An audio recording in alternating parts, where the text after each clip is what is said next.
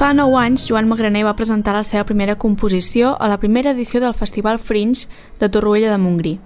Llavors, Magraner era estudiant del Conservatori de París i era la primera vegada que presentava una obra seva a Catalunya després d'haver marxat a França a estudiar. Per mi va ser com de les primeres vegades de poder tornar una mica al teu propi país, no? a Catalunya de dir allò, has hagut d'anar a estudiar fora perquè aquí les possibilitats són més escasses, però llavors de poder tornar amb naturalitat i a partir de llavors ja, ja he començat a tenir més coses per aquí, o sigui, va ser com la primera tornada. Aquest any, Joan Magraner ha tornat al Fringe com a director de Joventuts Musicals de Catalunya i com a guanyador, entre altres, del Premi Reina Sofia de Composició Musical. Ell és un clar exemple de l'objectiu del Festival Fringe, emmarcat en el conegut Festival de Torroella de Montgrí. El Fringe vol ser una plataforma per músics joves emergents, un aparador que els pugui servir per entrar al món laboral.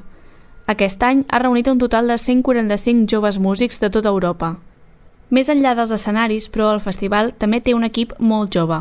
I és que la voluntat de professionalitzar també s'estén al personal que el fa funcionar. Així ho explicava la directora del Fringe, Montse Faura, a Ràdio Capital. Els ideals són, primer, que transferir coneixement a tots nivells, no només a sobre l'escenari, sinó tothom que el fa. Per tant, és un laboratori professionalitzador.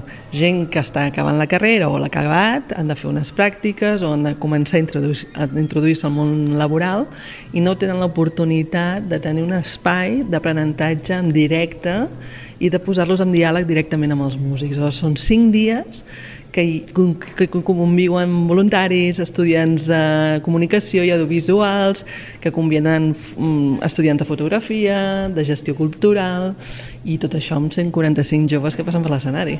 En un festival com el Fringe, que acull desenes de músics de tot Catalunya, però també d'internacionals, és imprescindible l'equip de producció. Aquest equip, liderat per Patricia Vázquez, ha de vigilar que tot funcioni quan ha de funcionar, a més, gran part de l'equip el formen estudiants de graus relacionats amb la gestió cultural.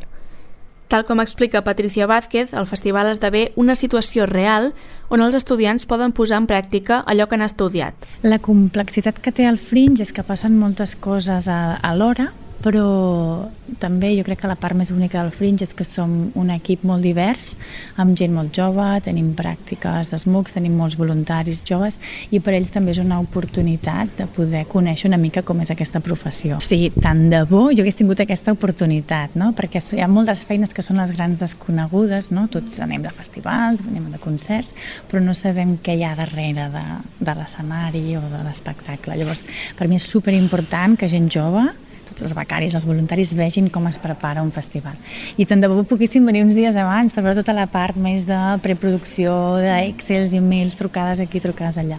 És superimportant que festivals com el Fringe donin aquesta oportunitat a, a, a joves que tinguin una mica d'interès amb la música i amb la producció. La feina de producció és sovint la gran oblidada. Tot i això, no és l'única feina que es fa lluny dels focus i dels micròfons i que no es veu. En els concerts del Fringe d'enguany hi ha hagut molt de protagonisme del piano. És per això que ha estat fonamental la feina de Carles Orbat, l'afinador del piano del festival. La seva presència era especialment rellevant tenint en compte que l'afinació del piano s'ha de repassar després de cada concert per tal que sigui òptima. A més, en Carles explica com cada artista pot donar-li el seu tret característic a un mateix instrument. Sempre quan parlem dels afinadors pensem en el so, eh, en afinar les notes, però el primer amb un piano sempre, amb qualsevol instrument de fet, és la mecànica. Pots tenir un piano molt ben afinat, però si tens problemes mecànics no podran eh, interpretar correctament. Aleshores, primer que res, una revisió mecànica, dels pedals també, que estigui tot molt correcte, i afinar-lo i buscar-li l'estabilitat, més amb un cicle així que, que realment són diversos músics que van tocant una darrere l'altra en pràcticament molt poc temps entremig. Quan tenim un concert doncs, de, com els hi ha del festival, amb un pianista únic, eh, una orquestra o una, una, un grup, eh, sí que pots doncs, eh, personalitzar més l'instrument segons el que es vulgui i de fet aquí mateix al festival no fa gaires anys, per exemple, Uh, no recordo qui la pianista, diria que era l'Ingol Wunder, i necessitava una mecànica diferent. Com deia abans, vull dir, no és només el tema del so, sinó que amb la mecànica també pots afectar en el so. Aquest equip que hi ha darrere del festival és el que fa possible que els músics actuïn sobre l'escenari i que el piano soni bé, per exemple, en el concert del pianista Eric Baras i el baríton Power Mongol. Van actuar el divendres 15 al Museu de la Mediterrània amb un repertori molt influenciat per la poesia.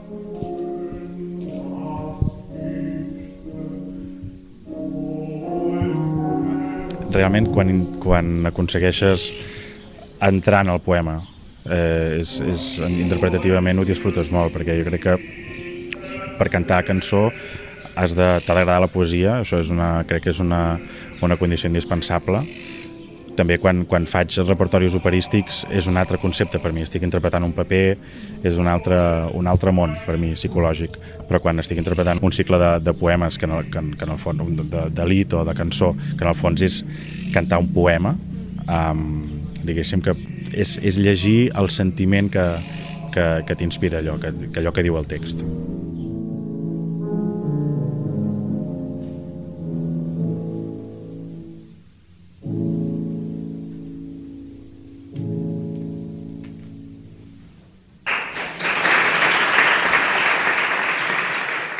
Un dels grans concerts del Festival d'enguany, però, ha estat el de la Jove Orquestra i el Cor Nacional de Catalunya.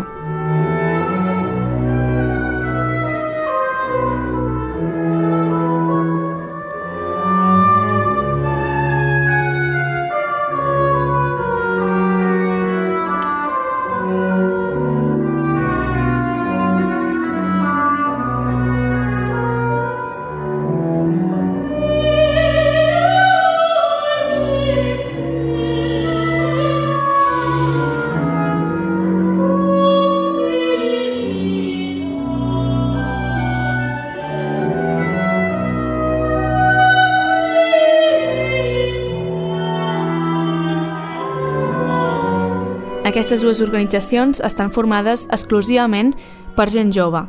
De fet, cada any hi ha audicions per renovar els grups. Tant la Jove Orquestra com el Cor Nacional doncs, comparteixen amb el Fringe l'objectiu de donar oportunitats professionals als joves. A Ràdio Capital van poder conversar abans del seu concert amb el director de la Jove Orquestra, Manel Valdivieso, i el concertino del projecte, Enric Fernández. Ens explicaven com aquests projectes poden ajudar els joves a sortir de la zona grisa entre acabar els estudis i començar a treballar. Quan anem a una orquestra professional que ens truquen, com és el meu cas amb aquest any en alguns casos, doncs ja saps situar més en el món professional, no ja estàs preparat i enfocat com per poder anar allà i dir jo estic preparat per fer això. La Jonc t'ha ajudat a preparar la mentalitat i de com has d'enfocar uns assajos d'orquestra, uns concerts o, o el que hagi de ser, a treballar. Al cap i a la fi, aprendre a treballar bé en orquestra. Jo crec que és un bon, molt bona eina.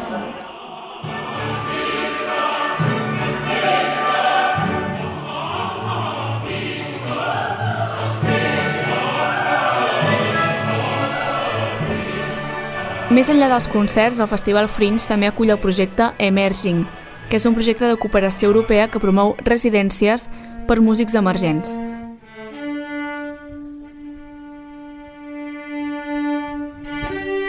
A Torroella, un dels grups que ja està fent residència és Pura Corda. Com indica el seu nom, són un quartet de corda format per dues noies de les Illes Balears i un noi i una noia grecs, durant aquesta residència reben formacions, assagen i també han fet un concert davant del públic torroellenc. Aquesta residència Emerging, clar, és la primera que fem, és tot una mica nou, mm. uh, anam tots els dies super de fer feines perquè ens fan um, sempre una, una formació al matí, que són supercanyeres totes, uh, de, no, d'una mica de veure el que faim malament i de veure com podem millorar i de veure com us podem vendre més i de veure com us podem projectar cap, a, cap en fora i, i, bueno, i quan no, és una, quan no és una formació no és una sessió de fotos i quan no hem de ser un concert i quan no no sé què i estem una mica en plan a veure si tenim temps d'assajar de, nosaltres, saps? El seu repertori és particular ja que es vol escapar dels compositors típics que tothom té en ment quan es pensa en música clàssica o música antiga. És per això que aquest quartet es dedica a recuperar composicions oblidades o de músics poc coneguts – a més, en el seu repertori sempre hi tenen almenys una compositora. En principi ja començava amb la idea d'entrenar i jo de voler agafar, escollir peces uh, de compositors poc coneguts i ens varen trobar bueno, també hi ha compositores i clar, de poc coneguts són zero coneguts pràcticament no? que fa més difícil fer la recerca, fa més difícil trobar les partitures o si les compres a vegades no saps si és una peça que val la pena o no. Així doncs, el Fringe és un espai on els músics joves poden fer la seva música, experimentar i mostrar el seu talent. Segons el compositor Joan Magraner, cap aquí és on ha d'anar el futur de la música clàssica. Ha sigut últimament que s'ha accelerat una mica més de dir finalment uh, hi ha molt més espai pel... i també es valora molt més la, la cosa de dir les noves veus, els nous uh, talents joves. Dins, per exemple, si parlem de clàssica, però amb propostes que ja són potser diferents, o sigui, el repertori pot ser potser sí, el gran repertori o música nova, però a vegades la manera d'aproximar-lo és completament lliure cada cadascú i això ho ha, molt més natural, no ho ha naturalitzat de dir no, la música clàssica no és només una cosa de, de gent ja jubilada o no, no, hi ha gent jove que ho fa i per tant la gent jove que va a un concert veurà algú com ell i uh, que està fent una cosa interessantíssima i, i maca i, i, i entretinguda. Hi ha aquella frase de, de Robert Gerard magnífica que és del el que és realment fidel a una tradició no és el que es conforma sinó el que la transforma i això crec que hauria de ser la premissa de qualsevol artista i del públic també hauria d'haver rebre així de dir, anem a sorprendre'ns, a descobrir coses i per tant amb els músics joves sempre descobreixes perquè són nous.